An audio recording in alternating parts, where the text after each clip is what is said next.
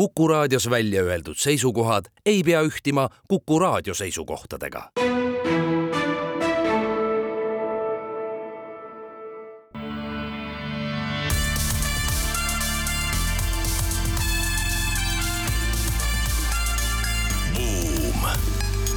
buumile annab hoogu SEB Pank tere päevast, on üheteistkümnes oktoober aasta kaks tuhat kakskümmend kolm, oleme taas eetris Buumi saatega, saatejuhid sedapuhku Ott Pärna ja Anto Liivat.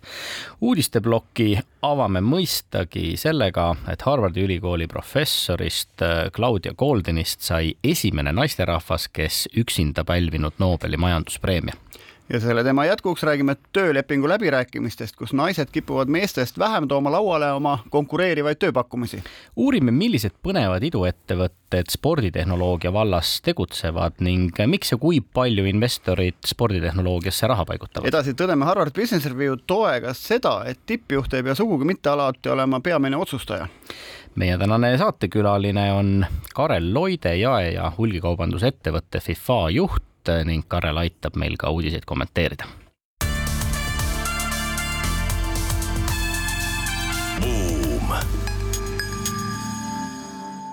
kuigi nüüd võib välja kukkuda taaskord niimoodi, et kolm keskealist meesterahvast äh, räägivad taaskord naistest, ärist ja naistest, tööst ja naistest ning Äh, meeste ja naiste palgalõhest, siis värske Nobeli majanduspreemia valguses ei saa ka rääkimata jätta. nimelt Harvardi ülikooli professorist Claudia Goldinist on saanud esimene naisterahvas, kes pälvinud üksinda Nobeli majanduspreemia, kolmas naine üldse ajaloo jooksul, kes majanduspreemia saanud ning kokku on majanduspreemiaid tänaseks päevaks välja antud üheksakümmend kolm. tegemist on üksjagu harukordse eh, juhtumiga ja muuhulgas seetõttu, et eh, majanduspreemia on üks kolmest preemiast, kus on laureaate naisterahvaste hulgas olnud kõige vähem, kõige rohkem on naised saanud ajaloo jooksul rahu- ja kirjanduspreemiaid. No selle teemal jätkata, kes palju preemiaid saanud on, siis et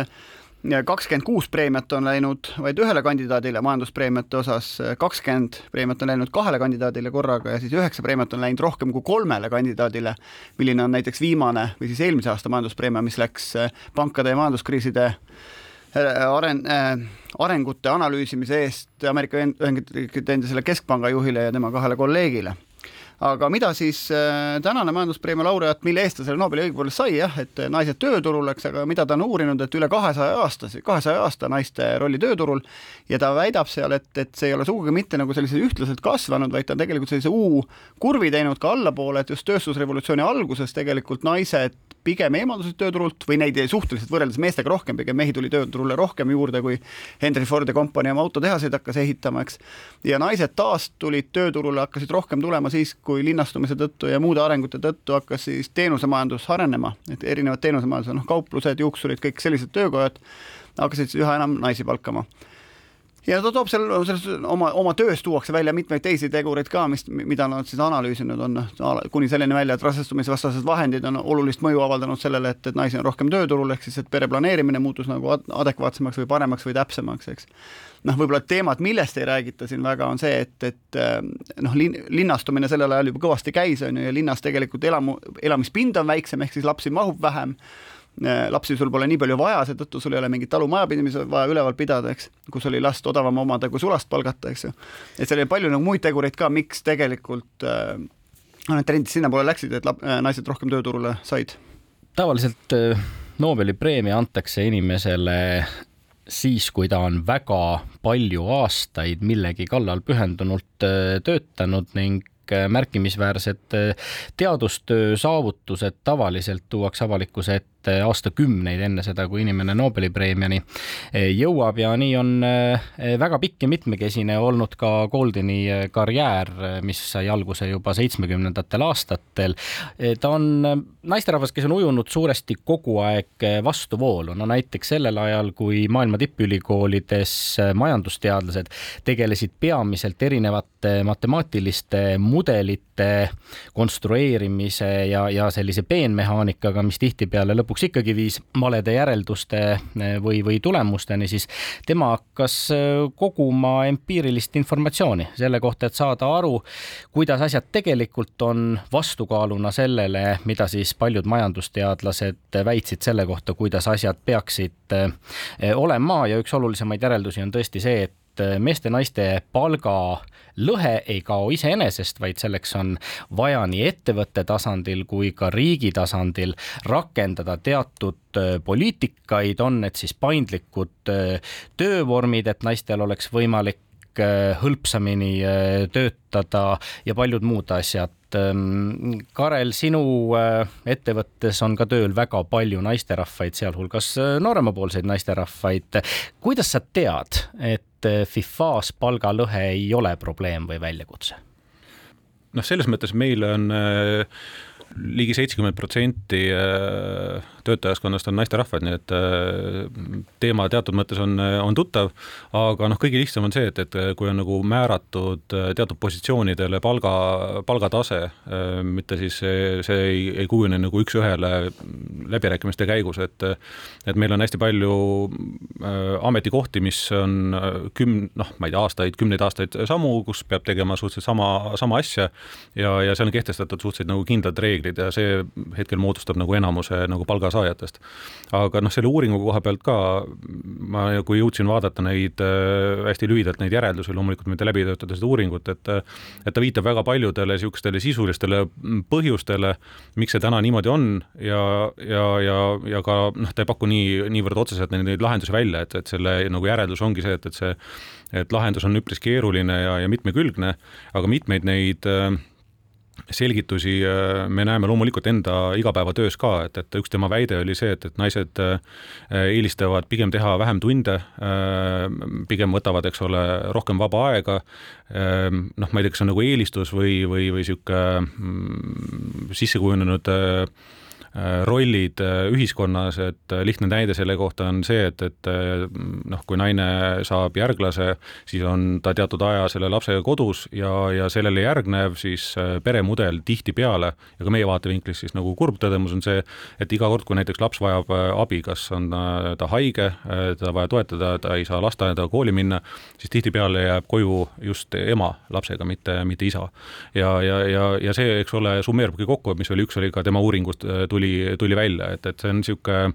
noh, ma ei kujuta ette, kas ettevõtja ja riiklik poliitika seda muuta saab, aga nagu sa õigesti mainisid, eks ole, siis paindlikud teatud positsioonidel paindlikumad äh, tööformaadid aitaksid seda nagu leevendada. jah, selle asja teine pool on muidugi see, et mida siin ka värske nobelist tõdeb, et äh, naiste haridustase arenenud riikides on kõrgem kui meestel, ehk siis naised võiks tegelikult selle lühema tööaja eest saada sama palju palka, kui ütleme, kui võtta seda kui võrrandit, kus on siis erinevad muutujad sees et, see võiks jälle naiste kasuks rääkida. aga ei saa, Euroopa Liidus äh, töötavad naisterahvad teenivad tunnis keskmiselt äh, kolmteist protsenti vähem kui, kui mehed ja kõige suurem oli kahekümne esimesel aastal ju teadupärast palgalõhe Eestis, kui Euroopa Liidu riike vaadata. nüüd Michigani ülikooli teadlased on avaldanud oma uurimistulemused ajakirjas Review of Higher Education ja keskendunud siis ülikoolide andmestikule, vaadanud sada üheksakümmend üht ülikooli ja kogunud enam kui kolmekümne tuhande erineva teaduskonna kohta informatsiooni, seda analüüsinud ja jõudnud muuhulgas järeldusele, et palgaläbirääkimiste käigus naisterahvad vähem kui meesterahvad toovad äh, välja konkureerivaid pakkumisi, mida neile tehtud on ja ka tegelikult ise otsivad vähem konkureerivaid äh, pakkumisi, mida siis läbirääkimistel argumendina kasutada no siin nad lähevad veel rohkem detaili, nad Ameerika Ühendriikide näitel, et nad äh, vaatavad siin ka eri värvi inimesi, mehi ja naisi, et, et siis ütleme äh,, mustad mehed on vähem altid näiteks palgaläbirääkimisi pidama oma, oma tööandjaga, kui, kui seda on näiteks valged mehed, on ju, naiste puhul oli see nagu mustad ja valged olid võrdsed, et seal on ka selliseid erinevusi sees ja, ja ka see, et, et kuivõrd uusi töökohti vaadatakse pigem nagu organisatsiooni seest või väljapoolt, et ka seal oli tegelikult rassilisi erinevusi ja, ja meeste-naiste vahelisi erinevusi ka, eks aga, aga tõesti, et, et see noh, naised, ma ei tea, kas see julge hundi rind on rasvane, et, et mehed, pokkerimängijad on ju, lähevad ikkagi palgaläbirääkimistele olukorras, kus nad ütlevad, et tead, mul on kõrvalt ikkagi parem pakkumine ka, on ju kuidas võib-olla naised on liiga viisakad. kuidas sa, Karel, suhtud nendesse, kes tulevad palka läbi rääkima argumendiga, et mul on pakkumisi veel? Äh, see, selles mõttes, et see on nagu, äh, nagu eriti noh, nagu lihtne küsimus, aga väga keeruline vastus on ju, et selle uuringus ka, et, et, et see ei ole seotud noh, tõenäoliselt ainult äh, sellega, et, et, et kas ma tahan rohkem või mul on konkureeriv pakkumine, lähen nagu, nagu otsima, et, et noh, eriti veel Ameerikas, kus on nagu hästi pikad äh, distantsid, töökoha vahet, eks ole, kõik need argumendid pääsevad nagu mõjule. aga noh, loomulikult iga inimesega tuleb äh, läbi rääkida, et noh, see sõltub jällegi positsioonist, on ju, et, et kui ma ütlen, et mis ma eelmises lõigus mainisin, et kui meil on fikseeritud see palgavahemik, siis on see päris nagu keeruline, et, et meie nagu organisatsiooni üks nagu lubadusi on see, et, et meil on võrdne kohtlemine, noh nii äh, äh soodevaheline rahvuste kui, kui ka siis nagu äh, Äh, üleüldine inimeste äh, siis juhtimistasemelt näiteks, eks ole, et äh, me kordleme kõiki võrdselt, eks ole, siis me ka minnes niimoodi ühe osakonna sisse, kus kõik teevad võrdset tööd, eks ole, siis me ei saa nagu teine noh, ühte teisele eelistada. et sellisel juhul see pigem on signaal meile see, et, et me peame kogu selle osakonna või kogu selle palgafondi nagu, nagu üle vaatama. et, et selles mõttes see on nagu huvitav, huvitav järeldus ja võib-olla tõesti, eks ole, naised selles kontekstis on kuidagi alalhoidlikumad või, või või või äh, ei kipu seda läbirääkimist nii lihtsalt ette võtma, aga mis ma nagu, nagu tundub, on see, et, et, et pigem see või on nagu muutumises, et, et kui me vaatame nüüd uut äh, pealetulevat põlvkonda, siis nad on üpris aktiivsed ja, ja, ja, ja võib-olla nagu kasvanud üles nagu selles äh, võtmes juba, kus nad näevad, et tekib uusi optsioone pidevalt nagu äh, tööpakkumiste näol turule ja on valmis noh, vahetama ka nagu aktiivsemalt tööd, et et võib-olla need inimesed, kes on siin juba veidi rohkem tööjõuturul olnud, näinud eelnevaid kriise, käinud erinevates kohtades, siis oskavad nagu kaaluda ka nagu teiste aspektide, et ähm, meil on siin veel üks uuring ees, mis räägib sellest, et äh, ühesõnaga mul on tunne, et inimesed, kes on seal tööläbirääkimistel, kui nad eelarvamus on see, et nad on nõrgemas positsioonis, siis nad on valmis vähem kauplema. ehk siis see, et see vastastikune meeldimine on hästi oluline faktor tööintervjuul, eks. noh, mida veel räägitakse, et ähm, no sa pead välja tooma selle, et sa väärid seda, mida sa rohkem tahad, on ju. noh, jällegi see, sa pead olema üsna enesekindel, et seda te teha, et et see enesekindluse faktorid on ilmselt hästi-hästi olulised selle juures. jah, et kui palgaläbirääkimiste uuringuid vaadata, siis äh, need, kes läbi räägivad, kipuvad ikkagi lõpetama kõrgemal palgatasemel kui need, kes läbi ei äh, räägi. nii et meie soovitame pigem läbi rääkida. nüüd aga kuulame ära kaubanduslikud teadaanded ning seejärel jätkame sporditeemadel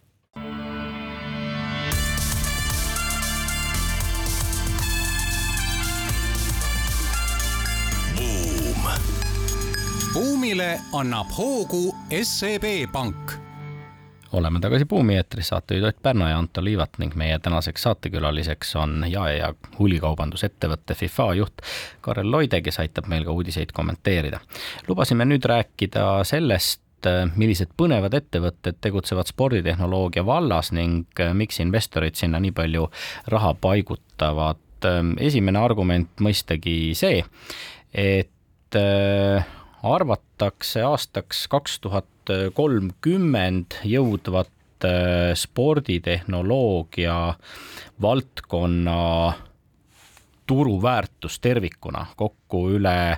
saja miljardi eh, dollari ning nii nagu paljudes teistes valdkondades eh, iduettevõtteid, sealhulgas ükssarvikuid ja neid, kellest peagi peaksid saama ükssarvikud, tekib eh, päev päevaga muudkui juurde. no Anto, ma natuke spordinumbreid ka tean, et mul on sellised andmed, et, et sporditööstus kõik kokku on seitsesada miljardit dollarit aastas, mis on umbes üks protsent SKP-st ja mis on täpselt kümme korda väiksem, kui on tervise osakaal SKP-st. tervishoiukulutused on teadupärast umbes kümme protsenti arenenud riikide majandusest, ehk siis aga jätkuvalt see seitsesada miljardit on väga-väga suur ja seal on muidugi kõik sees, seal on nagu spordiga seotud üritused, meedia, sponsorlus, spordikaubandus, väga suur osa sellest, igast fitness-klubid, spordiäpid, kõik sellised asjad. no mina viitasin sporditehnoloogiale spetsiifilisemalt, mis on siis sellised tehnoloogia intensiivsed ähm, ettevõtted ja,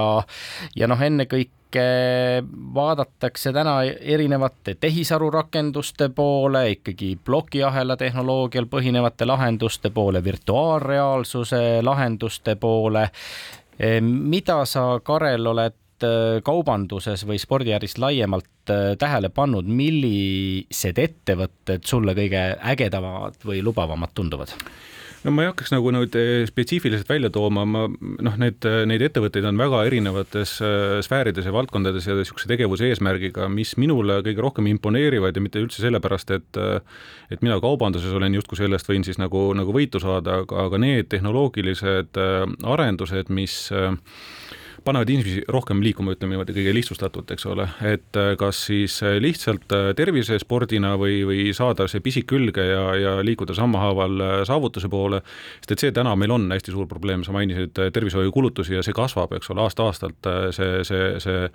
see summa läheb aina suuremaks ja, ja samas, eks ole, me kuuleme igapäevaselt, et justkui laste ja noorte liikumine on väga problemaatiline, et et et äh, kõik sellised asjad, mis äh, täna noh, me noortele jällegi teisest küljest, eks ole, kui pannakse samasse lausesse või käib arutelu selle üle, et äh, miks lapsed ei liigu, on ju, siis ma võin kihla vedada, et mingi spetsialist räägib, ta varem või hiljem selles mõttekäigus jõuab mingite arvutimängudeni, eks ole et äh, selle, meil on tulnud peale terve põlvkond inimesi, kes armastavad hästi palju mängulisust ja me näeme seda, et kui see mängulisus tuua ükskõik mis teise sfääri, siis äh, see seal tekitab kirge ja, ja põnevust. ja kõik need äh, ettevõtted ja tehnoloogiad, mis tegelikult suudavad selle mängulisuse panna siis selle vankri ette, mis inimest tegelikult siis äh, lõpuks ka liikuma paneb, on ju, sest minu arust need on nagu väga tänuväärsed. mul tuleb meelde Pokemon, aga mul, mul on siin samal ajal ees kahe tuhande kahekümne kolmanda aasta kõige ägedamate sporttech ettevõtete list, on ju, ja circa pool nendest on mingi betting või online mingi gambling uga seotud, ehk siis et see, et teatud riikides maailmas ja globaalselt, globaalselt on liberaliseeritud seda online mängurlust, iga suurema liiga juures on oma isiklik nagu selline betting või, või kasiinokompanii põhimõtteliselt, et, et pooled nendest startup idest on sellised. ja need on, ütleme, sellised noh, Google'i maal nüüd on meelelahutus, kuskilt maalt on ta pahe, eks ju. aga mina otsiks pigem nagu selliseid startup'e, mis tegelikult nagu mingit probleemi lahendavad. ja nii nagu vaata, taksondus oli, on ju, hästi vähe inimesi sõitis taksoga, taksot kunagi ei saanud, ta oli kallis, on ju, siis tulid need äpitaksod, on ju, järsku tegelikult hakkas rohkem inimesi taksoga sõitma. ja, ja ütleme, liikumisharrastuse valdkonnas meil ju kõige suurem probleem, jah, ühelt poolt rahvas ei liigu, kaks kolmandikku inimestest ei liigu piisavalt, see on tund päevas peaks liikuma, nii et nahk on natuke märg, on ju. laste puhul veel hullem, eks, kaheksakümmend protsenti ei liigu, kakskümmend protsenti liigub, on ju. ja, ja igasugused need kaalunäitajad, asjad, mis Covidi tõttu läksid nagu veel viletsamaks, on ju. ja, ja huvitav on see, et nüüd see seltskond, kes siis liigub, see üks kolmandik, Nendest pole kunagi kuulunud ühtegi spordiklubisse ega kunagi näinud ühtegi treenerit või instruktorit, lausa üheksakümmend protsenti. mis tähendab, et need, kes teevad, teevad valdavalt iseenese tarkusest nüüd isegi kui nad ühte spordiala teevad okeilt, on ju, kehakultuuri mõttes tegelikult oleks, tuleks harrastada erinevaid, noh, et olla, olla, olla terve. ehk siis, et tegelikult see ligipääs igasugusele ka sellele treeningteadmisele on, on, on puudulik ja see on hästi-hästi kitsale kildkonnale kättesaadav. no sa, Ott, pusid äh, skalti äppi teha, mille mõte vist peamiselt ongi tuua treenija ja äh, treener äh, kokku, eh, aga samal ajal eh, tehisaru varal on eh, üha rohkem neid rakendusi, mis tegelikult pakuvad sulle võimalust virtuaaltreeneriga koos treenida kuni sinnamaani välja, et need lahendused isegi vaatavad, mõõdavad, hindavad sinu sooritust ja annavad soovitusi, kuidas oma sooritust paremini teha, ehk siis kas sellel no inimesena toimival treeneril on tulevikus nii suur väärtus? no Anto, sa siin ennem saadet rääkisid, et sinu suur mure on see, et naine läheb tööle, on ju et, et äh, sama asi, et kas ta ei lähe selle, ta läheb ikka seltskonna pärast sinna, sa ei taha üksi kodus olla. ehk see inimene on tegelikult ju sotsiaalne loom ja ta tahab teistega koos teha. ehk siis see sotsiaalne faktor on vähemalt sama oluline, eriti harrastuse asemel, kui võib-olla see spordi noh, nii-öelda see treeneri tohutu tarkus, eks ju. et, et ja tõesti, mis, mis me teeme, me teeme põhimõtteliselt spordimaailma Airbnb-d on ju, et, et, et põhimõtteliselt spordiinstruktorid, endised sportlased, tänased sportlased, järgutreenerid, matkakorraldajad, giidid saavad panna ükskõik millisesse kohta, ükskõik millisel tasemel või spordialal üles oma treeninguid, grupitreeninguid, individuaaltreeninguid ja teiselt poolt siis liikumisharrastajad saavad nendega liituda. üksi, võttes sõbra kaasa, on siis kliendi äpp, Skaldi kliendi äpp ja Skaldi partneri äpp ja lahendamegi selle kahte poolt, et, et ühesõnaga rohkem inimesi, kellel mingigi sporditeadmine on, saaks seda jagada ja saaks sellega ka tegelikult ka lisaraha teenida ja teiselt poolt tõesti, et see barjäär viia võimalikult alla, et kuskilt seda sporditeadmist juurde saada, kui ma äh, midagi ei oska või tahaks paremini osata. ja no ma olen täiesti nõus selles mõttes, et äh, võib-olla selle koos liikumise, koos tegemise tõttu on ka erinevad niisugused meeskonnaalad ja võistkonnaalad olnud nagu domineerivad või populaarsed, et paljud lapsed võib-olla lähevad individuaaltrenni ja seal, sealt on justkui nagu lihtsam nagu järele jätta, eks ole, et et meeskonnaalal on vähe sellest, et sul sõbrad seal käivad, siis vähemalt kui on näiteks kaks meeskonda mängivad, siis üks tunneb alati võidurõõmu, eks ole, et, et kui sa olid individuaalalal, on ju, siis sa ei pruugi seda nagu, nagu tunda, et kuidagi nagu need, need nagu toimivad, aga, aga selles mõttes on õigus jällegi alustada niimoodi eraldiseisvalt, et sa jõuad mingil eluetapil niisuguse järku, et kui sa tunned, et sa pead rohkem liigutama, siis meeskonda, meeskonnaala on nagu vähe keerulisem, eks ole, et sul on lihtsam individuaalalaga ja siis tegelikult sa vajad toetust, et ma oma kogemust saan tuua ka nagu näite, et et hetkel tegelen, ma ei tea, kas õige sõna on kirglikult, aga päris palju, eks ole, panustan oma nagu vaba aega surfi ja surfiklubis oli ka see, et, et hästi palju inimesi suve jooksul läbivad selle surfikoolituse ja kuidas nad jääksid selle harrastuse juurde, et nende esimesed sammud, iseseisvad sammud on hästi keerulised ja noh, ja siis me omavahel seal nagu, nagu klubilise liikumisel mõtlesime välja, et, et et võiks olla niisugune mentorlus, kus me aitame siis need noored surfijad, eks ole, vette ja, ja, ja, ja selle harrastusega aktiivsemalt tegelema no,. ma võin sulle öelda, et Skaldi äpi tegemisel mul on kontoris pool rahvast on tegelikult surfarid. no vot et ühe uudise jõuame lõppu veel rääkida. Harvard Ülikooli professor ja eksrektor Nitin Noria kirjutab Harvard Business Reviews, et vaatamata levinud väärarusaamale, justkui peaks tippjuht olema ise kõige olulisem otsustaja ettevõttes, tuleb neil pigem keskenduda otsustusprotsessi disainimisele ja otsuste kujundamisele ning toetada pigem teisi otsuste tegemisel eh, ning mitte ise nii palju otsuseid eh, teha. Ähm, Karel, kuidas sina oled Eh, valinud, mida ise otsustada, mida lasta teistel otsustada? ma selles mõttes sada protsenti nõus, ma olen natukene üllatav, et see kuidagi nagu nüüd noh, kuidagi formuleeritud see statement on, ma arvan, et enamus ettevõtteid on selles suunas juba ammu nagu liikunud. et see oli teatud juhtimismudel mingis, mingis ajastus ja eriti sellest äh, keskkonnast, kus kohas meie võib-olla nagu tuleme, oli see nagu domineeriv. aga tegelikkuses noh, eriti kui tegutsetakse veel mitmetes valdkondades ja sul on vaja ikkagi kõige nagu niisugust spetsiifilisemat know-how'd ühest konkreetsest asjast, ma ei tea, näiteks transpordilahendusest e-kaubanduses, siis, äh, siis tippjuht ei saa kõikide nüanssidega nii äh, täpselt kursis olla, eks ole. et äh, need otsustused tuleb delegeerida allapoole ja, ja, ja pigem on küsimus minu meelest see, et, et, et kui kiiresti neid ettevõtetes seda mõttemalli suudetakse rakendada, mitte seetõttu, et juhid sellele vastu oleks, aga kuidas inimesed suudavad selle rolli ise vastu võtta et ja kui kiiresti nad suudavad äh, ettevõtetena selle struktuuri paika panna, et kuskohast jookseb sinu piir ja mida, millist lisaväärtust sa sellega toodad, eks ole, ja nii edasi, et no, äh, no siin on toodud kahte vahet ka, et üks asi on jah, et targad juhid ümbritsevad ennast veel targematest inimestest, kes suudavad neid väikseid otsuseid õigesti teha, aga jällegi strateegilised otsused jäetakse tippjuhi enda teha, millised ettevõtted me ostame, äh, mida me müüme, on ju, milliseid ärisuundasid avame, ei ava, jah, sa omad, võtad selle informatsiooni enda sisse, aga sa pead ikkagi need otsused ka ära tegema, sa ei saa kõiki selliseid asju ka alla delegeerida. ja hoolimata sellest, äh, mida ning kui palju tippjuht otsustab, siis vastutab ta alati ja oskust nõuab seegi, et õppida elama teadmisega, kus olukorras, mil ise kõike ei otsusta, ometigi kõige eest tuleb vastutust kanda. aga nüüd kuulame taas ära kaubanduslikud teadaanded ning seejärel jätkame spordikaubanduse ja spordiäri teemadel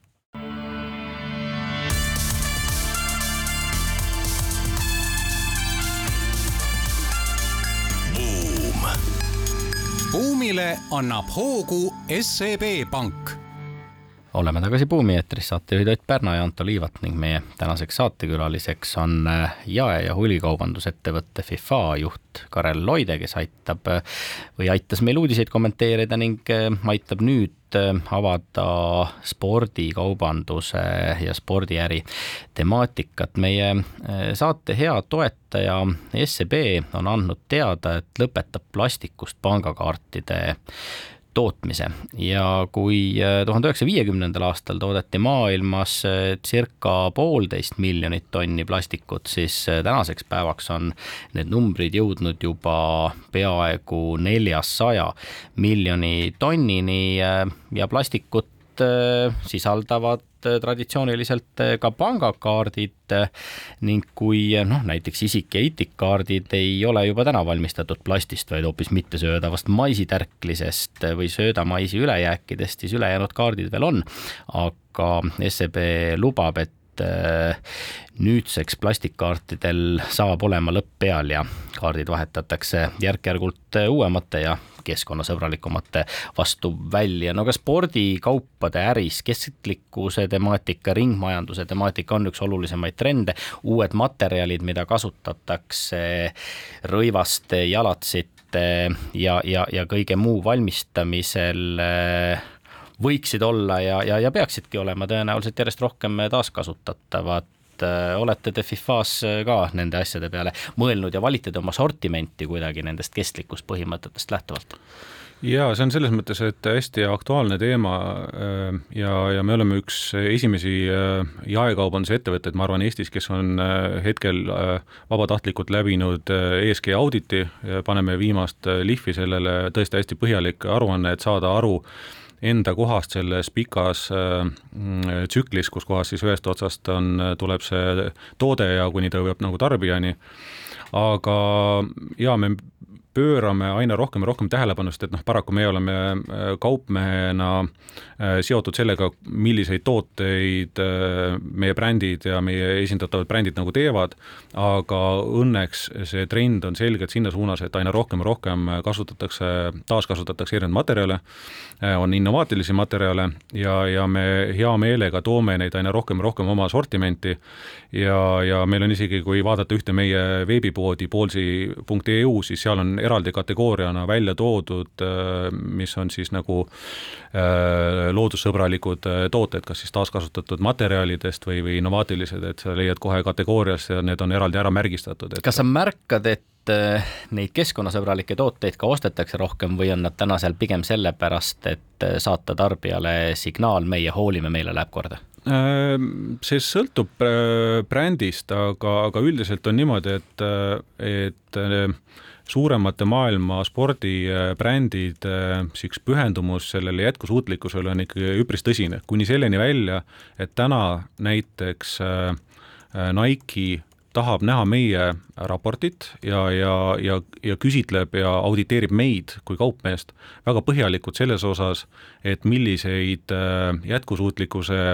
meetmeid me võtame kasutusele, kuidas meie käitume, milline on meie ökojalajälg. et äh, see küsimus juba eos näitab, et nad on hästi tugevalt sinna suunas liikumas, et mitte ainult läbi selle sortimendi. noh, loomulikult on see, et, et äh, sel, need, need tooted seal sortimendis peavad lõpuks jõudma nagu tarbija kasutusse ja selle otsuse teeb nagu tarbija ja siis on mõjurid, on disain, hind ja, ja nii edasi sinna miksi on siis, tuleb nagu sisse see jätkusuutlikkus. sa viitasid ka ise ESG-le ehk siis lisaks keskkonna aspektile on äh, oluline sotsiaalne mõju, aga on oluline ka ettevõtte valitsemine ning äh, kogu selline ärieetika mõõde, sotsiaalne vastutus sealhulgas. miks siis ikkagi on niimoodi, et üks äh, spordijalats, mis äh, Hiina, India, Filipiinide tehasest väljub omahinnaga kümme dollarit, äh, maksab lõpuks siin Euroopa Liidus poelettidel sada kümme või rohkem dollarit? no seal on vähem pistmist muidugi äh, ESG-ga, äh, see on äh, pigem seotud lihtsa tavapärase kaubandus, kaubandusloogikaga, et, et selle tehasest hakkab see teatud kanaleid pidi liikuma siia Euroopa suunas, sinna lisandub transpordi hind, tollimaksud, erinevad muud, kui on aktsiisi alla minev kaup, siis eks ole, aktsiisitariifid, siis ta jõuab siia kohalikule kaupmehele ja siis kohalik kaupmees paneb ta enda, enda müügivõrku. Ja, ja, ja kohalik kaupmees, noh, jällegi, eks ole, see hinna ja juurdehindluse teema on selles mõttes väga nagu delikaatne, aga, aga tausta avades siis eh, tegelikkuses kaupmehele sellest eh, äh, algsest siis äh, juurdehindlusest äh, päeva lõpuks jääb kätte väga väike osa äh,. kui me rääkisime esimeses plokis siin äh, tööjõust natukene, siis üks kõige suurem tükk läheb äh, töötajatele äh,, töötasudeks, teine kõige suurem tükk on siis äh, kaubanduspinna rent ja sellega kaasnevad äh, kulud. et need kaks võtavad lõviosa sellest äh, juurdehindlusest äh, endale. ja, ja sealt edasi siis on üks protsent, mis on loogiline, on veel äh, turunduse tasud ja kui ma nagu ütlen, et kaubanduses ettevõtted toimetavad, mis on selles mõttes ka avalik informatsioon majandusaasta aruannetest, et kui kaubandusettevõte toimetab viieprotsendilise marginaaliga, siis ta on juba tegelikult päris hästi nagu toimetanud. et see on nagu suures pildis see vastus sellele, et, et kuidas see hind, hind muutub ja, ja see ei ole kindlasti Eesti ega Baltikumi teema, see on globaalselt täpselt ühtemoodi. ja mul on siin üks Nike toss pildi peal lahti võetud ja selgub, et Nike ise teenib saja dollarise tossu eest siis viis dollarit, ülejäänud jaguneb tee peal ära ja siin on väidetud, et sajadaalasest tossust siis kakskümmend kaks kuidagipidi kulub selle tootmise peale. et seal on igasuguseid kulusid vahel, muuseas huvitav on see, et sajadollarisest tossust läheb üks koma viis dollarit, mehed, teate kuhu või? erinevate celebrity'te, atleetide, tiimide toetamiseks ehk siis, et, et sealt kulub nagu igale poole, mis on otsaga ka tegelikult ju turunduskulu või no, PR kulu. ma mainisin, eks sponsor ja. või selle turunduse all, eks ole. aga ma hakkan mõtlema seda, et kui see toote tossu tegemine on ikka väiksem osa sellest hinnast ja kõik muu on suurem, on ju, et äkki see keskkonna jalajälg ei ole mitte seal Bangladeshis, kus see toss, toss valmis tehakse plastmassist, vaid et kuskil mujal, ta lennutatakse sealt Bangladeshist ju Euroopa, Euroopasse või Ameerika Ühendriikidesse, ehk siis transpordikulud on ju, needsamad kaubanduskeskuste kütmise kulud ja kõik muu, on ju. et kui seda keskkonna jalajälge hakata selle õigupoolest mõõtma, et kus seda kõige rohkem tekib ja kus seda kõige rohkem võib-olla maha võiks lõigata selles mõttes, et meie enda see aruanne, me samamoodi, me alustasime niisuguse teesiga, visates õhku, aga me saime sellele küsimusele väga täpse vastuse. et ma ei julge öelda, et, et see jalajälg on nüüd siinpool suurem kui, kui tootmise juures, ma arvan, see tootmise juures on märksa suurem, aga meil kui kaubandusettevõttel üle üheksakümne protsendi on tõesti selle kauba siia toomine et me võime kustutada kõik tuled kontoris, poodides ära, kütte välja lülitada ja, ja me jätaksime väga,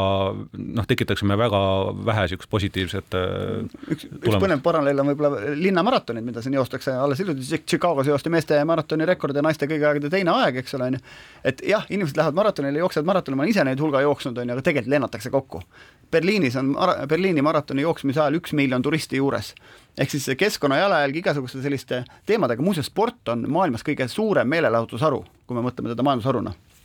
nojah, ma siinkohal ütleks seda, et, et keegi ei lähe kodus diivani pealt, vaid selle jaoks sa valmistud aastaid joostes kodus, eks ole, ilma kuhugi lendamata ja, ja ikkagi sa tekitad niisugust nagu, nagu positiivset äh, tulemust ka, aga ja ma olen nagu nõus, et loomulikult et, et transport, äh, reisimine, äh, mis iganes siis eesmärgil, kas puhkuse või meelelahutuse nimel, on kindlasti üks suuremaid CO2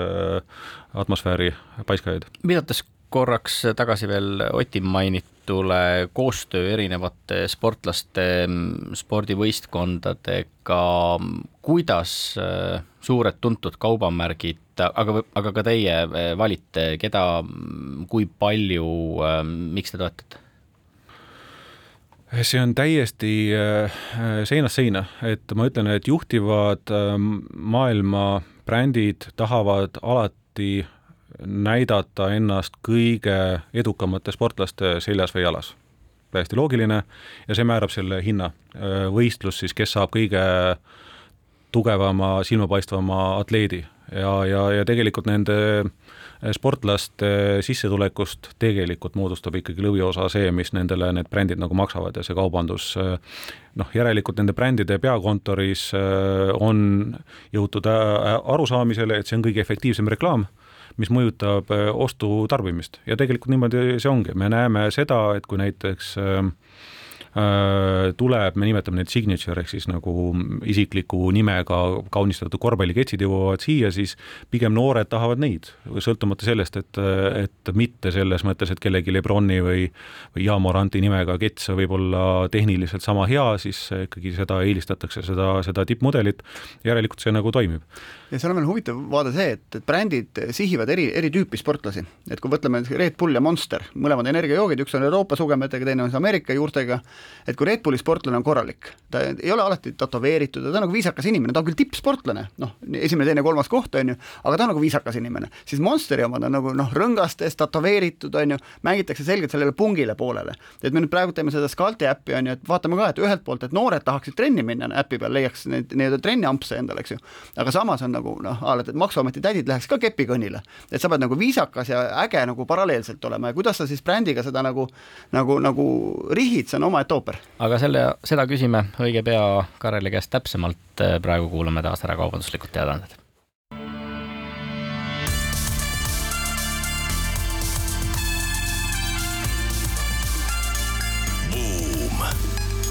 buumile annab hoogu SEB Pank oleme tagasi Buumi eetris, saatejuhid Ott Pärna ja Anto Liivat ning meie tänaseks saatekülaliseks on jae- ja hulgikaubandusettevõtte FIFA juht Karel Loide. FIFA-st ei ole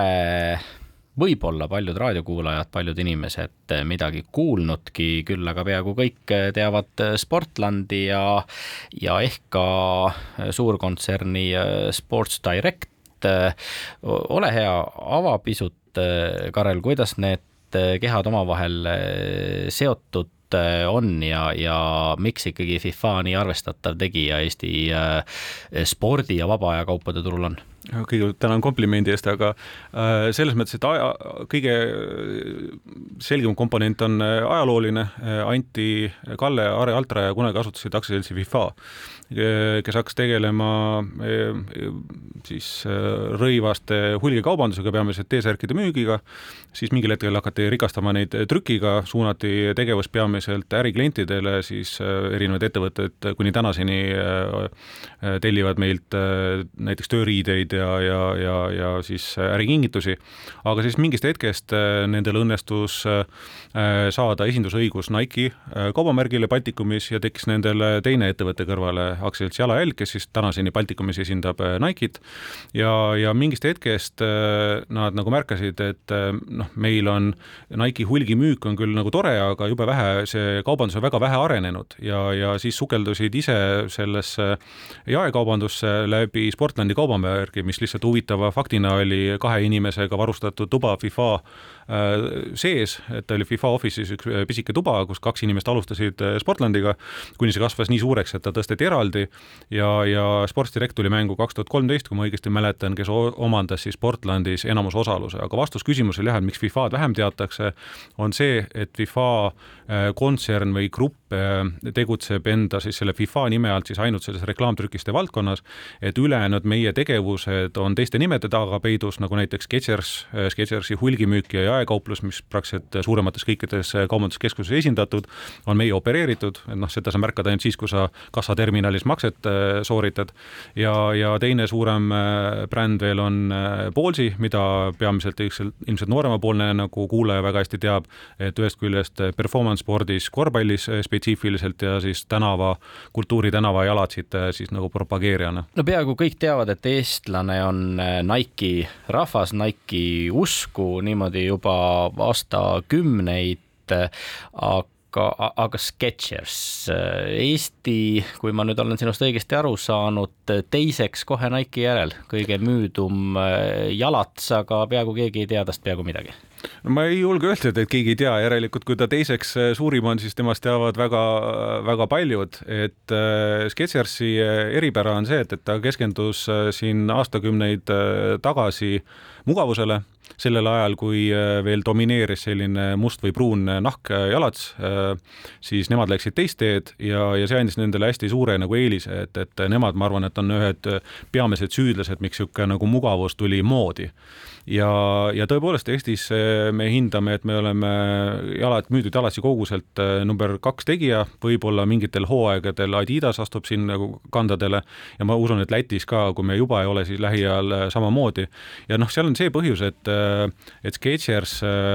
kui selline bränd apelleerib hästi suurele tarbijaskonnale, et, et veidi siis äh, keskea poole või veidi vanemad äh, inimesed äh, teevad seal ähm, ostuotsuseid, eriti naisterahvad, kes ostavad tervele perele tegelikult jalatseid. väga tihti leiavad selle valiku Skechersist, et hästi suur osakaal meie ärist on laste jalatsitel, mida teistel brändidel ei ole. ja, ja loomulikult lapsed ei tule ise oma jalatsid ostma, et selle ostuotsuse teevad nende, nende vanemad, eeskätt siis naisterahvad nendes perekondades. jah, need influencer'id ja Instagram, eks, et, et naised, neil on rohkem jälgivad ise brände, neil on rohkem nende järgijaid ja teevadki palju otsuseid ja meestele turundatakse läbi naiste. aga mul on siin ees ühed numbrid, et palju mees, maailmas siis tosse müüakse, et, et Nike'i tosse müüakse kakskümmend üheksa koma üks miljardit dollarit eest, eks peaaegu kolmekümne miljardi eest. Adidast müüakse kolmeteist miljardi eest Sketchersit seitsme koma nelja miljardi eest, Pumat nelja, nelja ja poole miljardi eest, Asicsit kolme miljardi eest eks Asicsit müüakse kümme korda vähem maailmas Jaapani Asicsis kui ameeriklaste Nike'it, on ju. Converse on kaks koma üks miljardit ja Under Armour on üks koma neli miljardit. ehk siis nii, siin on need globaalsed numbrid, mis praegu noh, sa näed nagu paberi pealt seda, mida ma sisuliselt ütlesin, eks ole, et, et globaalselt äh, kahekümne viie aastaga Skechers on ikka kasvatanud täiesti märkimisväärse ja, ja impressive äri nagu üles. ja Adi ja Puma tegelikult on sama ettevõte, vähemalt seesama perekonnaettevõte oli aastaid tagasi, kaks venda, kes läksid tülli ja siis teine vend tegi Puma.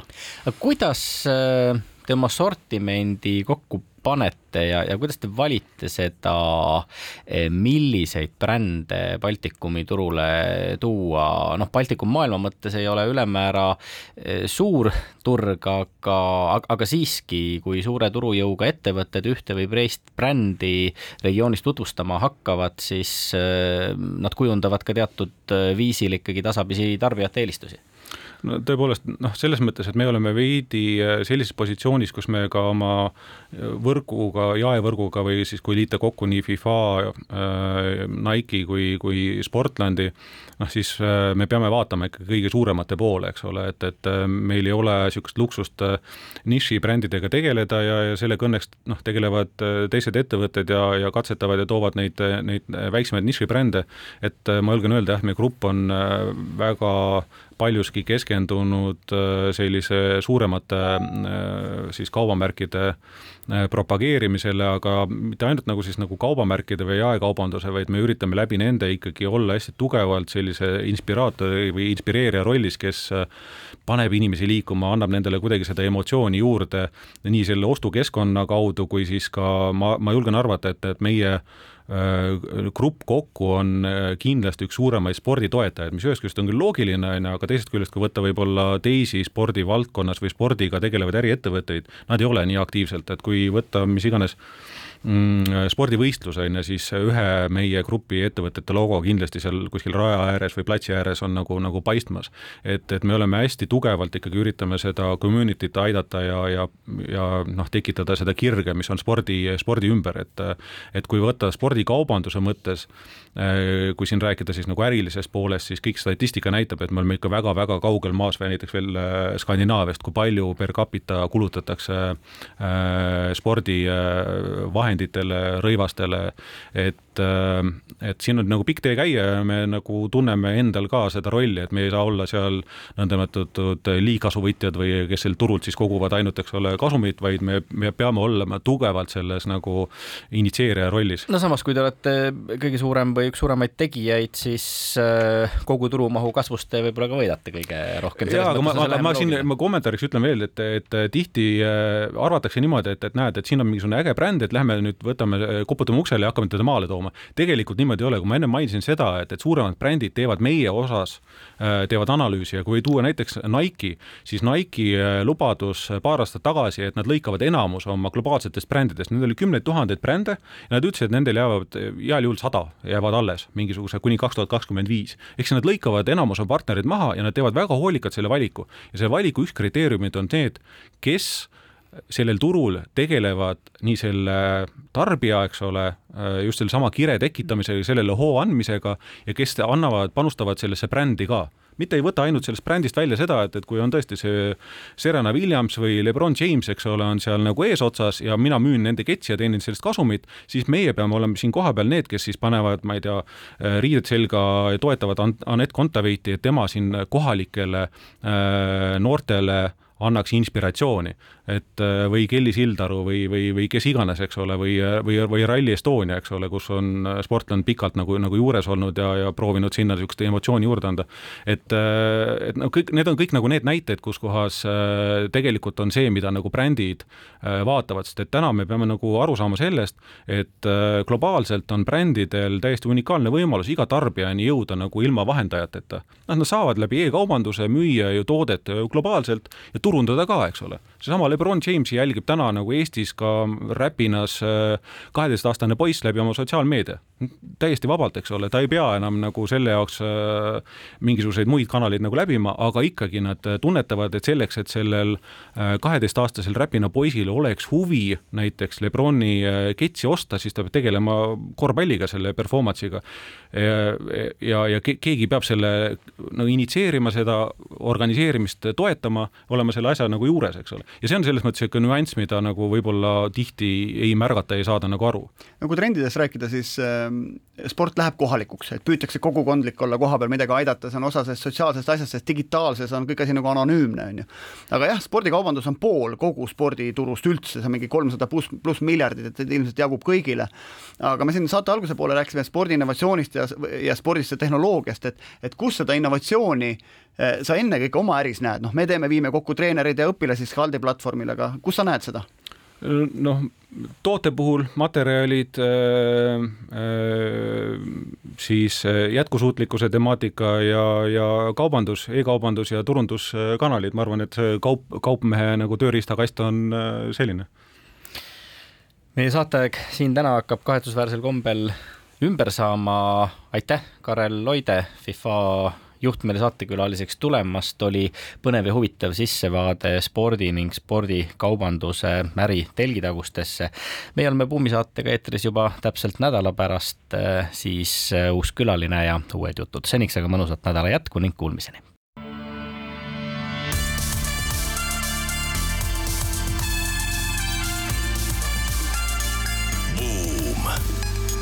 buumile annab hoogu SEB Pank